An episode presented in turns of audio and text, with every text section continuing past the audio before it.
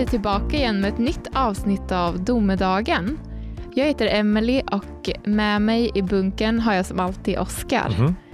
Kan inte du berätta lite om vad vi ska prata om i veckans avsnitt? Ja, visst. Vi ska blicka tillbaka till eh, december 2012 eh, då det sades att Maya-kalendern skulle ta slut och världen skulle gå under.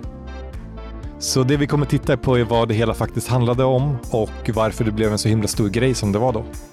Mm, spännande. Vi sitter ju här än idag så det är ju en liten typ av spoiler. Men kör! Tack!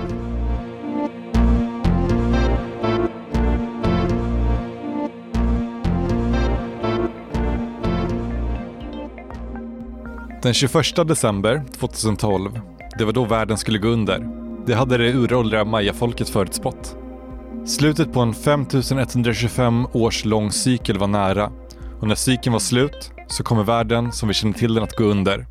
Jordbävningar, översvämningar, asteroider och mycket mer väntade oss. Men inget hände. Hade mayafolket fel? Nej. Att slutet på en tidscykel skulle leda till världens undergång är inget som mayafolket trodde på i alla fall. Tanken att mayakalenderns slut skulle betyda mer än just att kalendern tar slut bygger på ett missförstånd. Det är som att vi skulle tro att världen går under den 31 december 1999 bara för att ett millennium är slut då. Och på samma sätt som i vår tidräkning, där 1999 leder in i 2000, så skulle mayafolkets kalender börja en ny cykel. Och det var inget de var rädda för.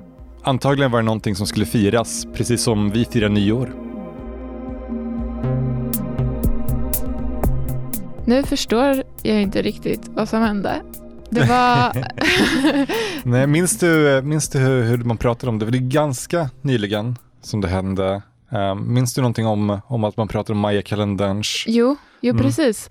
Men eh, alltså jag förstår inte, eller jag förstår, men eh, jag trodde inte att det här var ett missförstånd. Nej, Eller liksom vart kommer det här ifrån? alltså Det låter ju helt sjukt.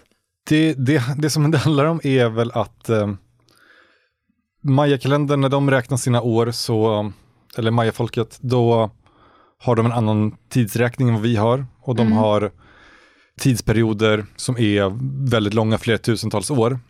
Och någon har väl fått för sig att eftersom kalendern är slut vid ett visst årtal eller datum, att Maya-folket då har satt sitt slutdatum där för att de inte tror att det kommer fortsätta efteråt. Mm. Och att det är då att de ska ha på något sätt förutspått att världen kommer gå under eller att någonting kommer hända.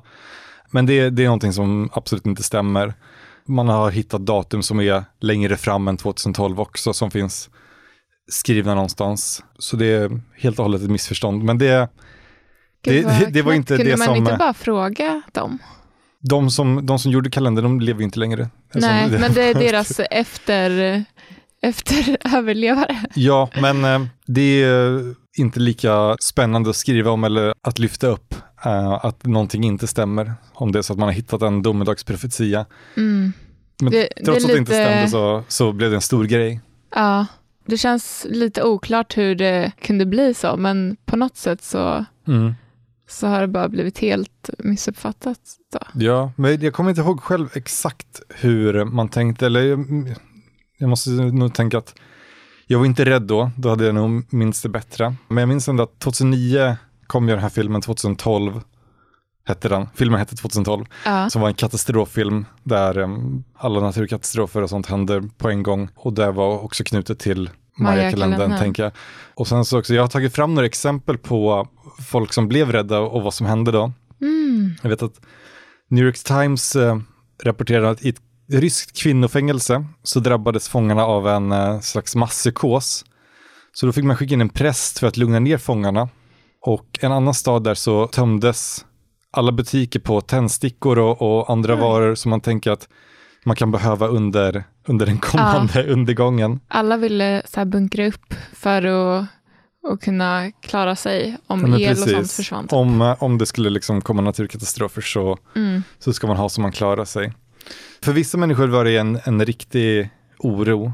Ehm, Men det känns inte som det nådde till Sverige riktigt. Eller jag vet ingen som tog det på, på allvar, vad Nej. jag kan liksom komma ihåg. Så. jag kan inte tänka mig att det var en stor grej i Sverige. Jag har ju sett när jag läst på om det här att man ser artiklar från Aftonbladet och Expressen och sånt, men det är mest så här eh, clickbait-rubriker Mm. som eh, inte är någon riktig oro, utan det är Ja, men just för att det har varit lite så här i filmer och så, så för mig har det nog blivit mer som en saga, typ. Mm. Att, så här, att det är väldigt svårt att ta det på allvar, för det känns bara som, ja men typ Askungen eller Ja.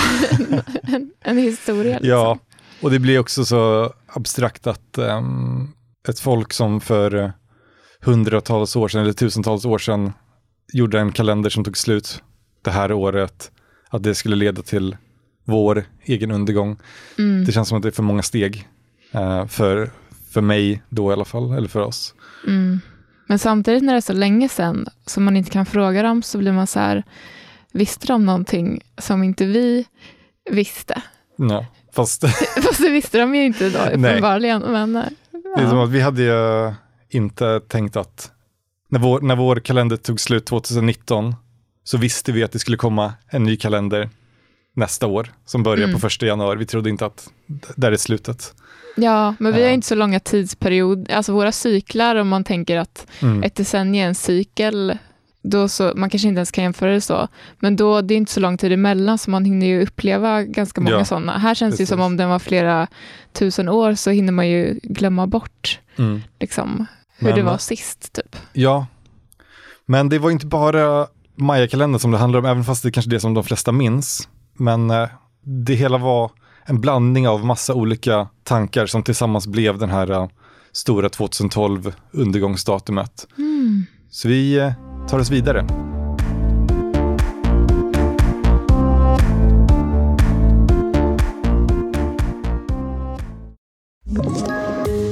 Ett poddtips från Podplay. I podden Något Kaiko garanterar östgötarna Brutti och jag, Davva, dig en stor dos skratt. Där följer jag pladask för köttätandet igen. Man är lite som en jävla vampyr. Man har fått lite blodsmak och då måste man ha mer. Udda spaningar, fängslande anekdoter och en och annan arg rant.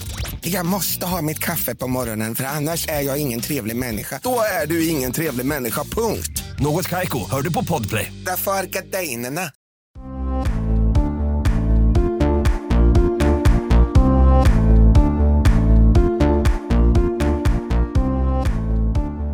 Så mayafolket kanske inte hade förutsett världens undergång med sin kalender. Men kanske skulle deras slutdatum infalla samtidigt som någon annan katastrof. 2012-domedagen blev eh, något som samlade många domedagsprofeter, pseudovetenskapsmän och konspirationsteoretiker.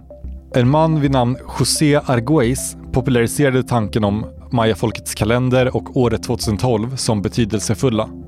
Han trodde att mayafolket kom från en annan planet och att deras syfte var att lämna information till oss om vår planets betydelse. Hans tolkning av mayakalendern ledde honom till att år 2012 skulle inleda en ny tidsålder. Nästa fas av mänsklig evolution där vi blir fria från teknologin som begränsar oss och vi blir mer spirituella och kan kommunicera telepatiskt. Men Argois var ingen domedagsprofet.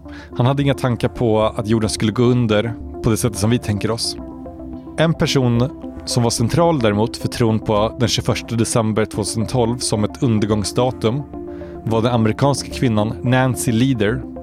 Nancy har berättat att hon under sitt liv har varit i kontakt med ett utomjordiskt folk som kallas zetaner.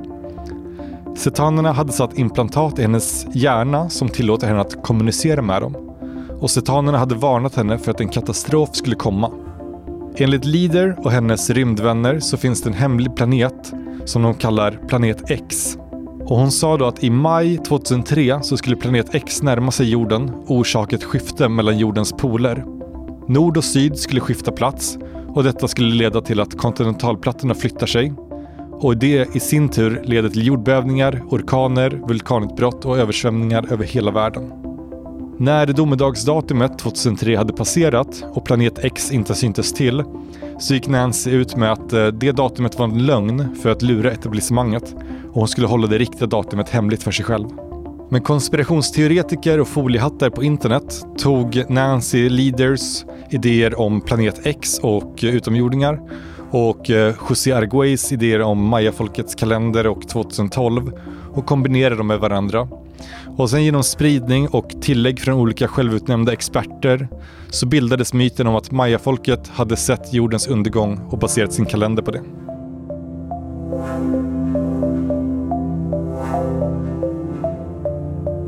Så Josie Arguez, Mhm. han populariserade den här tanken om Maya-kalendern, att den...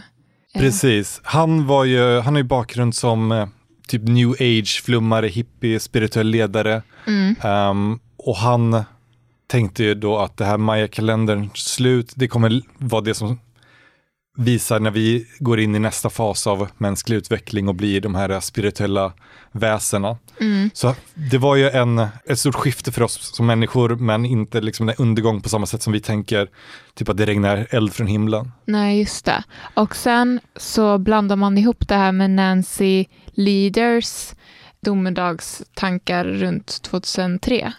Mm, precis. Så att de eh, två det finns en, blev en liten en blandning mellan deras två teorier. Ja, egentligen är hela det här 2012 är bara, den här domedagen 2012 är bara en, en blandning där man har tagit och blandat och liksom fixat ihop sin egen soppa av, av olika konspirationer och domedagstankar. Mm, Så du har den här tanken om Maya-folket har sett liksom slutet för oss människor och sen så har du Nancy Leaders tankar om eh, att det finns en hemlig planet som kommer komma till oss och förstöra eller liksom orsaka naturkatastrofer. mm, Um, och sen när hennes datum passerade så kanske man tänker att ah, då sammanfaller det här med Maya-kalendern och um, att det, Det är blir... bara att det var typ så här nio år senare, men Ja, men hon, hon, hon höll ju det riktiga datumet hemligt också. så. ja, just det. Eh, och hon, som jag förstått det, menar fortfarande att det, det kommer, men hon vill inte säga när. Nej. Um, och sen så, det är inte bara de här två människorna också, utan Nancy Leader kan ha inspirerats också av, det finns en, en östeuropeisk man som heter Zacharias Sitchin, som, ja det är också, det, jag, jag tog inte upp det här i min text, men jag, vi kan ta upp det för att det är lite spännande. Uh, men då att det finns ett, ett rymdfolk som heter Anunnaki, som är, de var som gudar för gamla, tror mesopotamiska folken. Och eh, det var de som skapade oss människor. Och att de bor på en planet som heter Nibiru som är som ett stort rymdskepp. Och då har man också tänkt att det här är samma planet som planet X som Nancy Leader pratar om. Och att man kan liksom De matcha bara, ihop det här alla kan sina- du inte dölja för oss, för vi förstår nog vad Ja, du men menar. att eh, man, eh, man bara matchar ihop så här, ja men jag tror på eh, de här ödlegudarna och de bor på den här planeten och den här planeten kan vara samma som planet X som kommer förstöra oss. Mm. Och det hände 2012 när Maya-kalendern såg vårt slut. Så det är hur mycket som helst och det finns så här uh, att, um, När man lägger ihop ett plus ett, då förstår man. precis. Och, och, Det är och, 2012. och det är inte heller, alla som trodde på det här uh, att världen skulle gå under tror inte på samma sak. Så vissa tror att det kommer komma den här planeten och krascha i vår krascha i jorden, att vi kommer kollidera och liksom sprängas. Andra tror att den bara kommer komma förbi och rubba vårt magnetfält. Mm. Andra tror inte alls på den planeten utan istället kanske mm, det kommer bli någon explosion från solen som rubbar magnetismen på jorden.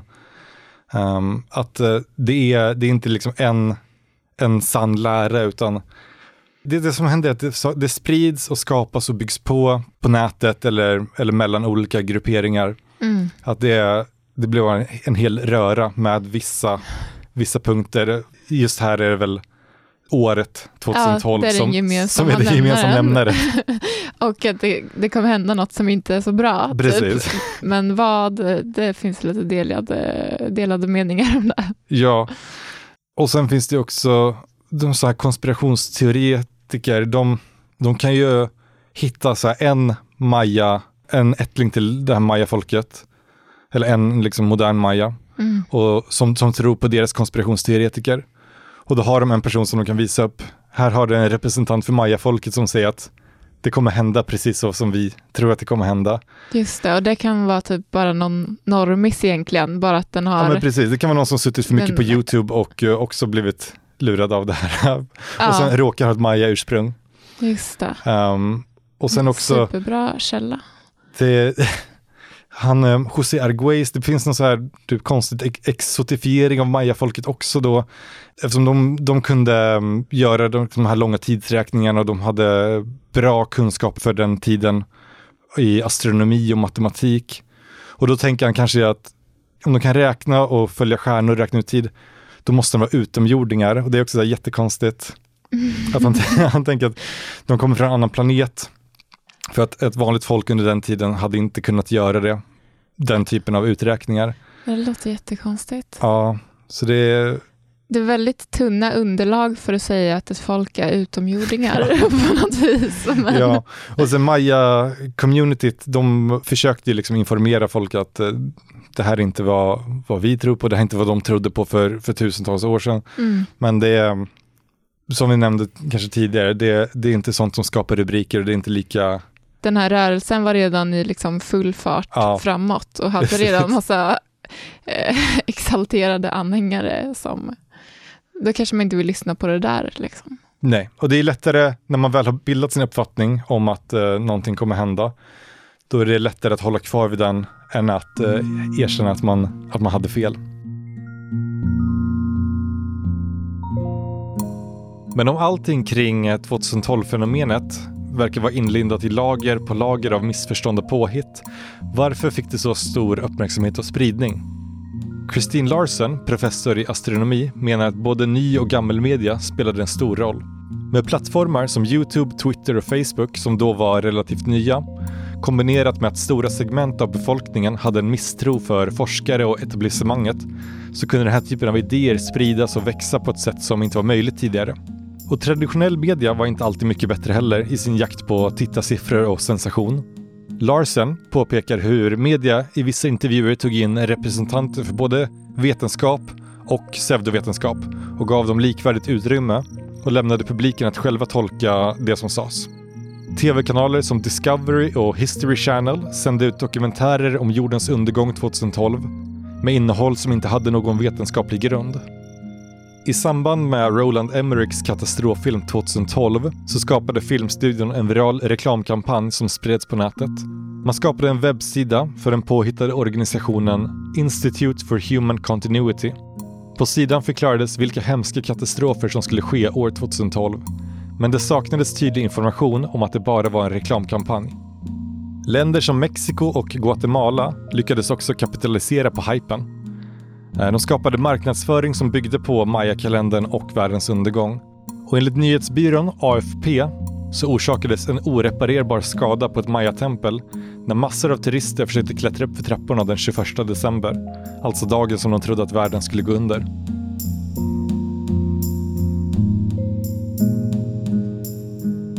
Det gör mig helt nervös att eh, Discovery och History Channel sände dokumentärer som liksom inte hade någon vetenskaplig grund. Det känns inte bra alls. Nej. Ehm, men det, det gick väl bra för deras tittarsiffror under, ehm, under det året. Det kan jag tänka mig. Det är jättespännande historia och om man också liksom får med att det här är någonting som kan hända så blir det ju, det, det drar ju verkligen till sig intresse liksom. Ja. Men det känns som ett lite billigt knep Det- att köra med, liksom, i alla fall för sådana kanaler där det liksom, det alltså, man vara litar på informationen som kommer därifrån.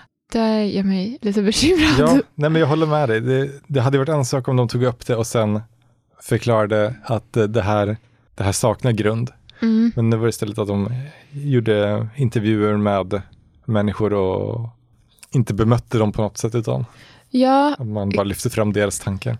Precis, jag har en fråga. Du beskrev ehm, att man hade intervjuer med två olika typer Mm. av, och så du sa pseudovetenskap. Vill du förklara vad det betyder? Pseudovetenskap är vetenskap som utger sig för att vara vetenskap utan att det är det.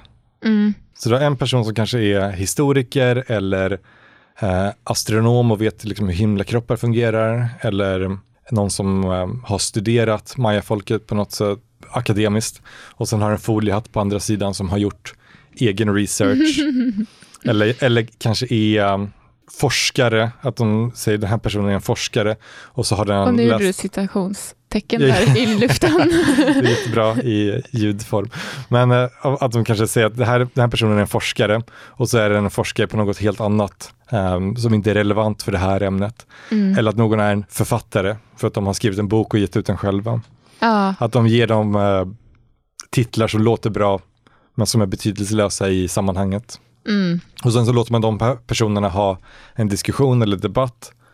Eh, och de som tittar på det får, eh, får bara avgöra själv vad, vad som känns bäst. Vettigt att lyssna på. Ja, och då, Ja. det, det som kan hända då är att man, eh, man lyssnar på den som, eh, som ger det här skräckscenariot. Om en säger att du kommer dö och den andra säger att du kommer inte dö, Mm. då känns det som att worst case scenario är väl kanske det som, som man ska vara förberedd på. Eh, om det är så att den här person, om jag lyssnar på den här personen som säger att ingenting kommer hända, allting kommer gå bra, men det finns en risk för att det andra kommer hända. Mm. Det är Då bättre- finns ändå Det är bäst där, att äh, förbereda sig på det värsta. Ja, Så då kanske det hade varit bättre om, eh, om eh, nyhetskanaler eller någonting hade alltså gjort sin research och liksom förklarat att det här är den här personens argument bygger på det här och det här är ingenting som... ja, det känns ändå som att det är deras jobb. liksom. Mm. Så att det, det ska man inte ens... Alltså, speciellt när man lyssnar på någon som man tänker är en trovärdig källa eller se på en kanal som, man, som brukar liksom ha trovärdiga nyheter. Och det är det som har, har varit liksom det stora problemet att den här, eller det här klustret av domedagsteorier fick eh, växa så stort. Att du har de här um, nya medierna med, med liksom YouTube-kanaler och sånt som, som um, samlar på sig fler och fler följare och sprider och bygger på de här tankarna mellan varandra. Och sen så har du också det som man tänker ska vara liksom journalistik och, och traditionella tv och radio. Mm. Att de ser världens chans att eh, få en tittarsiffror och ha rubriker under hela året. Ja, jag tänker att nu så är vi ändå så ganska vana vid att alltså vara källkritiska Mm. när sociala medier funnits ett tag och man vet att det finns mycket skit som bara är liksom någon som hittat på. Liksom. Ja. Men om det var precis, alltså om det var ganska så färskt ändå, då så kan jag tänka mig att man inte var van vid att vara källkritisk på samma sätt, för att man är van vid att det någon säger på tv, det stämmer liksom. ja, men precis. Nu är 2012, ja, jag kommer inte ihåg när YouTube slog igenom eller Facebook, men det känns som att det var inte lika, lika vanligt som det är idag. Eh, Nej, precis. Det var, det var kanske inte helt nytt, men det var det är inte som det är idag.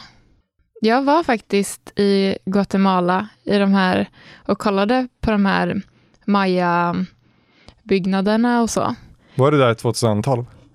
Nej, Nej jag kommer typ inte ihåg vilket år det var. Vänta, jag måste tänka efter. Det var i alla fall där omkring. Jag kan inte säga exakt vilket år som jag var där. Men då hade den här filmen Ak- Apocalyps... Apocalypto. Ja. Den här filmen Apocalypto eh, hade släppts för ett tag sedan. Ehm, och på det hostelet som jag bodde, där visade de ju den och liksom sa så här, ah, ni kan besöka den här, de här pyramiderna som är Mm. med i filmen. Eh, så jag förstår ju att eh, filmen 2012, om den också visade dem att det liksom Alltså jag som turist tyckte ju det var jättespännande och bara så här, oh, jag kan åka och kolla på den här Ja. som är med i den här filmen som jag typ såg för några månader sedan. Det känns ju skitcoolt att se det i verkligheten. Så man fattar ju att det är en smart eh, marknadsföringsstrategi som man vill köra på, men eh, Så är det ju. Men eh, sen är det också det olyckliga med det här att ehm, det var några, eller en ganska stor mängd turister som hade typ skadat ett uh, uråldrigt tempel. ja, Eh, så det, det är inte superbra. det är inte superbra. Och sen Nej. vet jag också att Maj, alltså, flera ledare för um, Maya, Maya-communityt har kritiserat media i väst och, och hur man har blåst upp det här som, som bara bygger på en felaktig bild av deras kultur och historia. Det är inte så snyggt. Det är inte supersnyggt. Det kan, kan inte vara så kul för dem att eh, få höra att Maya, Maya-folket har sagt att världen kommer gå under. Och så vet de att de har inte sagt det. Ja, Men det, liksom, det, det dränks ut av alla rubriker. ja, det är ingen som orkar lyssna på det här längre, för man vill bra, ha en bra story typ. Ja. Så det, det hela verkar ha varit absolut ingenting som har blåsts upp till en jättestor grej genom eh, att man kan tjäna pengar på det eller man kan bygga ett varumärke på det. Eller em, att man bara har blivit lurad och, och sen sprider vidare tanken. Trodde du på det här? Jag? Mm. Nej. Vad Det- tänkte du? Alltså jag, jag tror inte att jag, jag försöker tänka efter hur jag tänkte då. Um, men jag tror inte att jag var så insatt i det. Jag tror inte att det blev en jättestor grej i Sverige. USA känns som att det var mycket större. Jag, jag tror jag bara läste lite om det på, på nätet, typ runt december där, uh, 2012, men du sålde liksom inte alla dina grejer och förberedde dig för, Nej. för undergången. Nej, det var inte så att jag uh, gav bort alla mina besparingar till, uh, till välgörenhet och sen flyttade ner i en bunker. Uh, det gjorde jag inte, nej. Nej.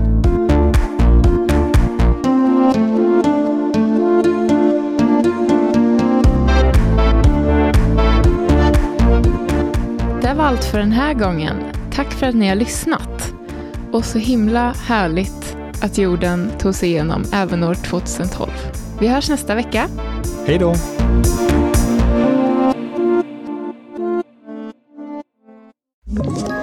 Ett poddtips från Podplay. I podden Något Kaiko garanterar östgötarna Brutti och jag, Davva, dig en stor dos skratt. Där följer jag pladask för köttätandet igen. Man är lite som en jävla vampyr. Man har fått lite blodsmak och då måste man ha mer. Udda spaningar, fängslande anekdoter och en och annan arg rant.